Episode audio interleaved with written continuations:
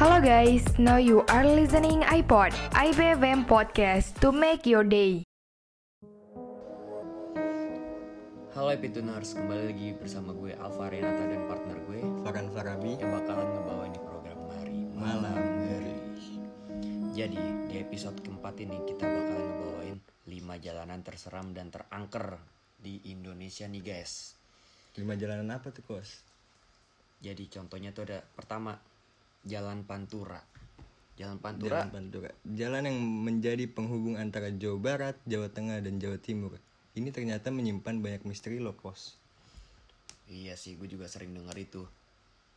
Ternyata menurut penduduk sekitar banyak terjadi kecelakaan di jalur itu di sepanjang jalur itu tuh karena ulah dari makhluk halus. wow serem juga ya ternyata lihat situ Dan konon katanya jalur Pantura ini dibangun pada zaman penjajahan Belanda dan Inggris. Oh, udah lama juga ya. Dan ketika proses pembuatannya juga banyak banget makan korban dari pihak Indonesia nih pekerjaan secara paksa nih, Matt. kerja paksa tuh Iya. zaman penjajahan banget berarti guys Nah, maka itu jalan ini menjadi misterius dan sangat angker. Dan makhluk halus yang di Jalan Pantura ini sering ganggu-ganggu ya sering banget ngeganggu, makanya seringnya terjadi kecelakaan. Dan beberapa saksi mata juga Pen- ada nampak gitu makhluk makhluk Iya dia halusnya suka ya melihat sosok-sosok makhluk halus lah di jalur ini. tengah malam selepas maghrib mau pria dan wanita ada ya ada Kos, ya? semua di situ. Terkadang ada suara-suara tangisan dan apa ya teriak rinti-rintian meminta tolong gitu loh Iya, kepada iya. tra- pada pengguna jalan. Nah tubuhnya juga tuh kos sering berlumuran darah gitu.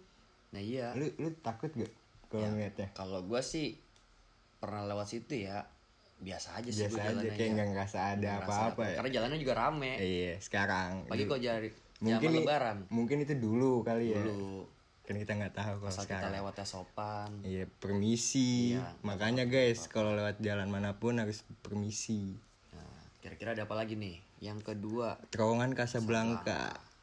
Lu tahu kan kos dulu gimana terowongan Casablanca terkenalnya? sem- ya orang-orang sejakarta sih pasti tahu lah terowongan Casablanca tuh di mana. Iya, Apalagi Mall Casablanca.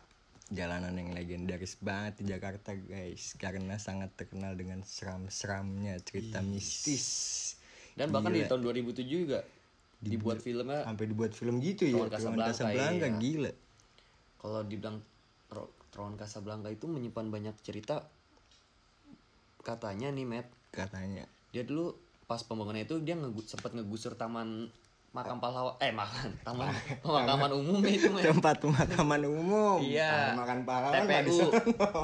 gue pengen ngomong kuburan tapi kurang itu nggak nggak sopan ya. TPU lah guys di Menteng itu tuh dulu dulunya tuh kuburan umum di- dibuat jadi terowongan, Jadi terowongan. gitu Nah, guys katanya nih waktu dibongkarnya itu masih ada mayat-mayat yang masih utuh gitu loh. eh, serem banget gila Enggak, gue ngebayang gimana, gimana ya? cara ngangkatnya Iya, ya dia kan? ngebongkar gitu masih ada mayat-mayat yang utuh.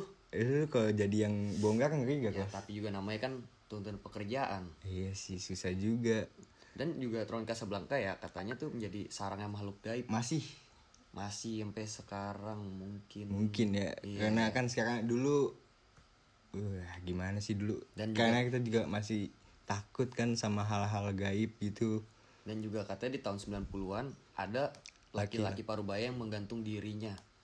Dan juga dia tidak diketahui identitasnya. Menggantung dirinya juga bukan pakai tali dia. Melainkan pakai apa namanya spanduk. lucu banget iya. ya, gue juga bingung gimana caranya itu Gimana spanduk ya. gimana sih aduh aduh laki-laki gimana pakai spanduk ikatnya guys Ya, dan juga katanya nih ada sosok nenek-nenek yang suka mengganggu pengendara di di terowongan itu, Matt. Dan yang kat- katanya sih menurut sejarah cerita nenek itu dia dulu pernah disiksa oleh banyak laki-laki dan dia meninggal lalu mayatnya dibuang ke terowongan itu, Matt. serem banget guys Di- lu bayangin lu dibuang ke terowongan gimana Ya. nggak kasihan Gimana ya? Dan ya pasti gentayangan ya si Iya. kos ya gimana nggak ini dia dibuang. penasaran ya? iya penasaran juga dia katanya sih pengendara motornya yang suka lewat nih. Dia suka ditampakin sosok nenek-nenek nyebrang jalan iya. Makanya dulu tuh sering kos yang kita setiap lewat terowongan itu klakson tiga kali lu pernah Nah, inget gak Iya, pernah inget gak iya, lu dulu iya. Dan Ya kan? katanya juga ke- kalau mau lewat situ harus ngelakson tiga kali men Iya, dulu. tapi kalau sekarang sih rata-rata orang klaksonnya 10 Iya. kali soalnya Karena kan macet, macet. macet. Suka macet kan daerah situ ya Iya. sekarang. Di mana mau Di mana serem, mau orang sekarang serem. macet. Orang rame mulu. Ya Gue juga bingung. gue juga jujurnya tiap hari gue ngelewatin jalan Iya, itu. soalnya kita kampus kuliah di daerah situlah. Kita kampus adalah kampus di daerah sana, di daerah Kuningan. jadi kita ya mau tengah malam mau jam Nah, berapa ya juga. udah tepat aja klakson tiga sepuluh ya kosnya Iya. nggak tiga kali. Kalau kalau dulu kan tiga kali kalau kita sepuluh lah. Soalnya macet, Macet. nggak sabar. Ya lu tahu diri lah. Gimana orang sekarang nggak sabaran? Nah ada lagi ada nih kos. nih. Yang ketiga Lima. ada apa tuh met? Namanya tol Cipularang. Tol Cipularang ya ya ya. Gue juga tahu Eh, tuh. lu yang banyak kasus nih kos di tol yang ini dulu artis juga pernah ada yang kecelakaan ya yang sering meninggal tuh. Oh yang yang ini Iya, tahu gue inget yang masuk sampai masuk TV iya. Sampai berita televisi nah, ya, tol. Cipularang itu tol yang menghubungkan antara Cikampek Purwakarta dan Padalarang. Set jauh juga kos dibangun sepanjang 54 km. Gila. panjang juga ya Kalau lu jalan namanya musafir itu kos. dan katanya nih tol Cipularang itu dibangun di dekat Gunung Hejo yang katanya Dipercayai dipercaya kerajaan kerajaan. gaib Ada kerajaan di situ kali ya. ya kerajaan makhluk gaib Dinasti. Eh, lu kalau di situ jadi raja apaan kos? Aduh raja gaib Iya banyak kejadian mistis kos di de- di salah satu jalan paling agak di Indonesia ini. iya benar Salah satunya nih kejadiannya itu yang yang dialami satu keluarga saat berlibur ke Bandung. Iya, dan juga gue dapat cerita nih. Katanya keluarga yang terdiri dari ayah, ibu, dan seorang anak yang berumur 8 tahun itu melintasi tol Cipularang menuju Bandung. Mereka berangkat dari Jakarta pukul 9. Gila masih belum malam Iya. banget itu ya. Bentar-bentar, ini kan cerita dari orang juga nih. Di tengah perjalanan, tepatnya di tol Cipularang, sang anak ingin buang air kecil. Buang air kecil. Berhentilah dia minggir dulu. Pinggir-pinggir jalan. Setelah buang air kecil, sang anak terlihat hanya diam, murung, dan pucat. Waduh, Gila, orang habis kencing kok bisa pucat gitu ya? Selama berlibur di Bandung, an- sang anak tetap murung dan pucat karena mereka memutuskan pulang ke, Ke Jakarta. Jakarta. Padahal baru dua hari kos di Bandung. Iya sih. Berlibur. Tapi udah sempat nginep juga sih lumayan. Ya, seenggaknya kan lu menan pulang kalau kayak gitu. Pada saat perjalanan pulang, sampai di Rostol Cipularang, sang anak ini ingin buang air kecil lagi. Gila. Berhenti lagi lah dia di pinggir jalan tol itu. Kemudian sang anak hilang tak kembali. Eh, Eh, ke mana ya? mana tuh kencingnya? Gaib bener ya. Sihir itu Iya. mistis. Kencingnya jangan-jangan di jalan Cipularang kali dia. Mak- Makanya kan jauh namanya baliknya. Cipularang dilarang kali kos. Iya, dilarang. Orang tuanya lantas lapor polisi. Betapa kagetnya mereka, ternyata sang anak sudah menunggu di pos polisi selama dua hari. Lah, Lah, yang kemarin ke Bandung siapa dong itu? lah gua, lu nanya gue, gue nanya siapa? Nah, terus terus, ada lagi nih. Selain itu banyak juga musisi-musisi Indonesia yang mengalami kecelakaan karena alas-alasan mistis. Maksudnya gimana tuh? Alasan-alasan mistis gitulah. Oh, Seperti melihat orang yang menyeberang di tengah jalan. eh, bau bau amis darah yang meruak ke dalam mobil. Eh, penglihatan yang tiba-tiba kabur, mengantuk tiba-tiba. Eh, seram juga ya ceritanya. ya. Sampai ada sosok wanita di jok belakang. Hmm. Nah, ini Wah, kalau lu sendiri gimana Kan gue selalu sendiri ke mana-mana. Sedih iya. Nah, Nah, menurut penduduk sekitar nih, titik-titik paling rawan di tol Cipularang ini karena ada penunggunya. Jalur itu ditunggui oleh makhluk yang bernama Kamilin. Kamilin. Yang konon nih katanya ada seorang sesepuh yang sangat sakti. Push. Namanya ada Sakti, Iya, yang kos. tinggal pada masa penjajahan Belanda. Dan kini arwahnya bersemayam di batu putih di Gunung Hejo. Oh, Wah, ini padahal dia sakti ya. iya. Tinggalnya di di batu. Betapa, Betapa mungkin, mungkin, ya kan ya. Kan ada yang tahu. Kan orang sakti. Iya, kan sekarang banyak orang sakti Nah, guys. selanjutnya ada tol Cipali. Tol Cipali yang sering kita lewatin, Kalian pasti pada pernah lah lewatin tol itulah. yang Tol baru itu. Tol Cipali Yang terbentang dari panjang. Cipoko sampai Palimanan Iya, yang terbentang. 116 km dan menghubungkan Purwakarta dan Cirebon. Buset. Hmm, panjang juga ya. Oh. Oh, iya, bener-bener. baru dibuka ya kos kata Iya, ya iya 2015 lalu. 2015 yang Eh, lalu gue udah pernah lewat sih gue. lu udah pernah lewat juga Iya, tapi gue nggak pernah kenapa-napa. gue nggak tahu kos jalan-jalan tol salah lu yang pernah lewat Bagi pengendara yang melintasi jalur ini, mereka pasti sudah tidak asing dengan batu besar. ya. oh yang kiri kanan tuh ya Bener. Yang gede banget. Eh, oh itu itu Cipali. Oh nama batunya Klenteng kos. Eh, lu lu baru tahu kan nama batunya Klenteng nih ini dikasih tahu. Nah, konon katanya nih, batu ini kerap menyebabkan kecelakaan yang terjadi di tol Cipali. kenapa tuh kecelakaan ya? Waduh, kurang tahu juga. gara-gara batu kan batu di pinggir soalnya. Dan menurut seorang warga mengungkapkan bahwa batu itu tidak bisa dihancurkan. Oh, pa- pantes sih iya, batunya bener, bener, Emang, emang gede banget sih gue akuin. Dan pekerja supir beko yang diminta menghancurkan batu ini bahkan meninggal dunia saat dia sedang melakukan tugasnya. Eh, siapa meninggal kenapa ya? Kok bisa sampai meninggal gitu loh maksudnya? Ya, mungkin kan batunya juga kan Batunya sakti. emang batu keras sih. Yang nyuruh juga keras kayak kayak batu. Iya, dan juga penduduk sekitar meminta agar tidak dipindahkan batu ini.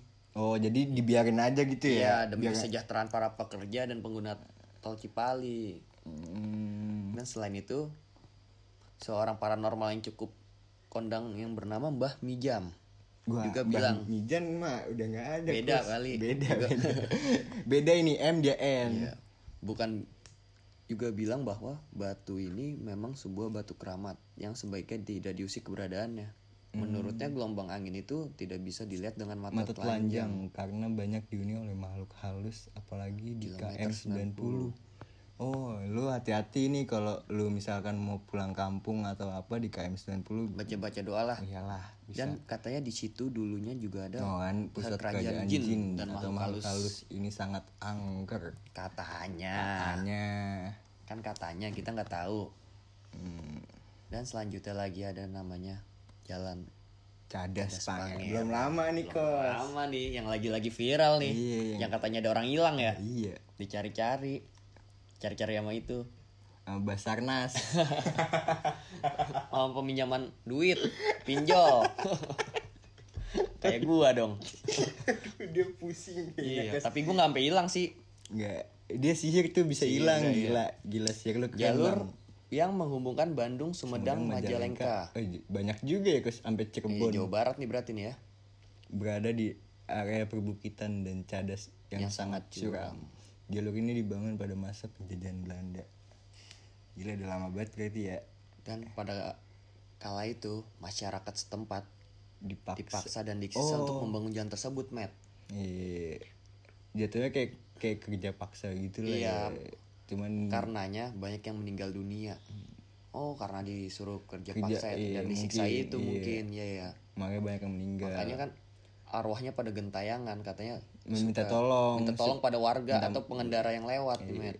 kan karena di situ ya banyak lah makanya Sumedang me- eh, menghubungkan Sumedang Bandung Majalengka dan Cirebon makanya banyak yang lewat mungkin minta pertolongan minta pertolongan untuk dicarikan bagian tubuhnya yang hilang. Waduh, eh berarti psikopat banget dong dipotong, dipisah-pisah dipotong-potong dong dia. Aduh ngomong Psycho. muncrat lagi ya. Termasuk mata. Jadi nangis gue disangkanya. Udah lanjut lanjut lanjut lanjut. Bahkan di pinggir jalan itu kerap ditemukan ular piton raksasa. Waduh. Garaga. garaga Eh, Garaga- bukan. garaga bukan kan ular piton Bukan ya? bos Ular apa? King Cobra. kobra Ini piton nih. piton beda guys Eh, konon ular tersebut menunggu korban kecelakaan untuk dimakan. Hah? gedenya semana Oh, gila ini cuma ngomongin mitos itu kali ya? oh, iya bener-bener mitos tuh. masyarakat kan dulu banyak Iya. mitos kalau mitos yang beredar dulu. di masyarakat bagi pengendara yang melintasi jalan paling angker di Indonesia ini disarankan untuk melempar koin maupun rokok yang telah nyalakan dinyalakan ke jurang di pinggir jalan sebagai penolak bala. Kalau kebakaran gimana? Bang untung Iya. bang rokok dinyala. Itu aja kan jurang ada ininya ya guys apa pohonan ya kan Pohonan nggak boleh dong, jangan dong. mungkin itu buat penduduk sana kali Iya ya kali. percaya kan kita nggak tahu juga gimana kan kita orang awam Terus ada, udah ya, udah lima kita ya.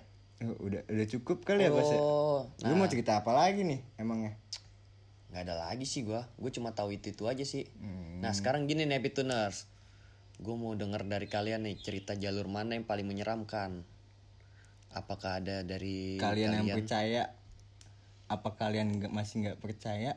Kasih sana dong boleh DM di Instagram kita, kita at radio IPFM we will love to know what you think of this. Nah atau mungkin nih kalian nih ada yang punya pengalaman-pengalaman yang yang mungkin bisa kita bahas buat cerita horor boleh aja ini. langsung DM ke Instagram kita tadi yang di @radio_ipfm biar nanti kita bawakan di episode selanjutnya nih Yoi, Happy Tuners. buat kita berdua. Udah lah ya mungkin cukup sampai di sini aja ya. Capek juga kita ngomong dari tadi ya kalau nggak dikasih minum. Iya makan juga belum. Sedih dah. Ya udah dah. Takut saya sampai nangis tadi. Kalau diceritain. Ya Happy Tuners, kita mau pamit undur diri ya. Terima kasih Salah.